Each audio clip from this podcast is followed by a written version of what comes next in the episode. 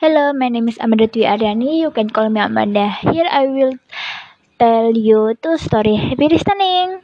First story Lion and Mouse. Once upon the lion, the king of the jungle, was sleeping under a tree. A little mouse jumped at him. The lion immediately got up, took the mouse, and wanted to eat it. The fact that mouse apologized and promised to help the lion one day.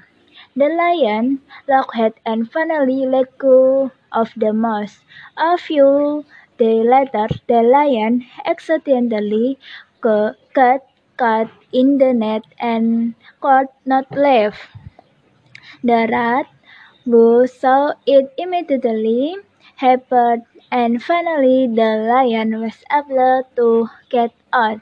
The mouse smiled happily and lived in lion. Moral: Small acts of kindness will be greatly appreciated.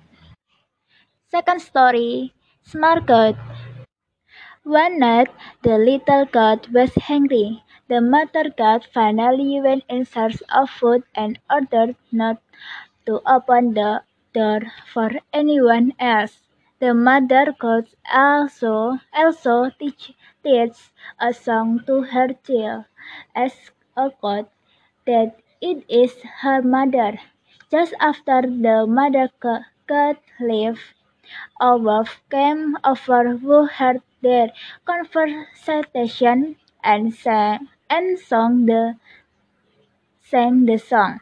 The little goat thought it was not his mother and decided to peek under the door.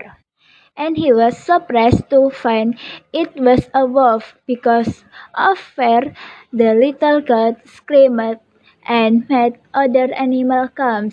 This of course made the wolf tremble and decide to go and not eat the goat. My experience after searching for vocab has increased quite a bit, but when I, I read it, it is still pretty stiff. Thank you.